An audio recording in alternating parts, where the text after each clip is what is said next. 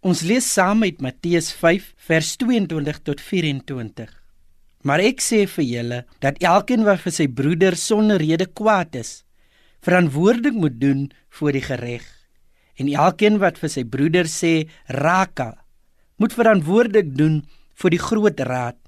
En elkeen wat sê jou dwaas, moet verantwoordelik doen in die helse vuur. As jy dan jou gawe na die altaar bring en dit jou daar byval dat jou broeder iets teen jou het, Laat jou gawe daar voor die altaar bly en gaan versoen jou eers met jou broeder en kom dan en bring jou gawe. Douglas Hare is van mening dat die iets wat iemand teen jou het in vers 23 verwys na woedeuitbarstings wat hom hoofsaaklik afspeel tussen broers en susters in Christus.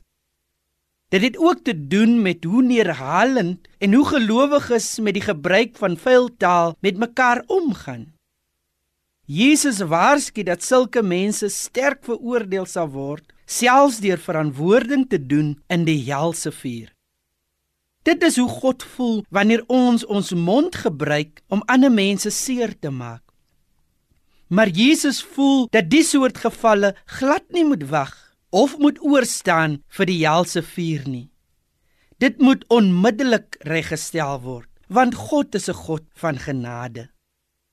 Die soort vermelde gevalle word nie net reggestel met 'n offer, met jou dienswerk aan die Here nie, maar dit vra meer dat jy met jou medebroer of suster versoen.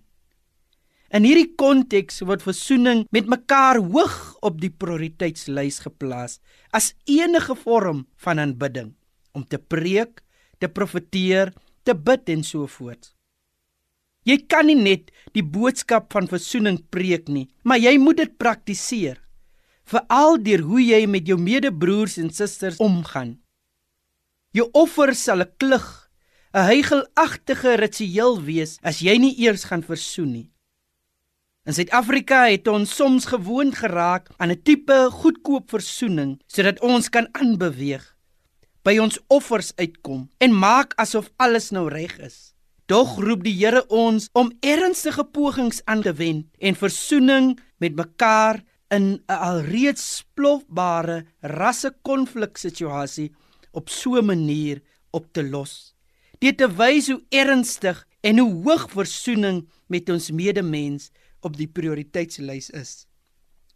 Mag die Here ons help.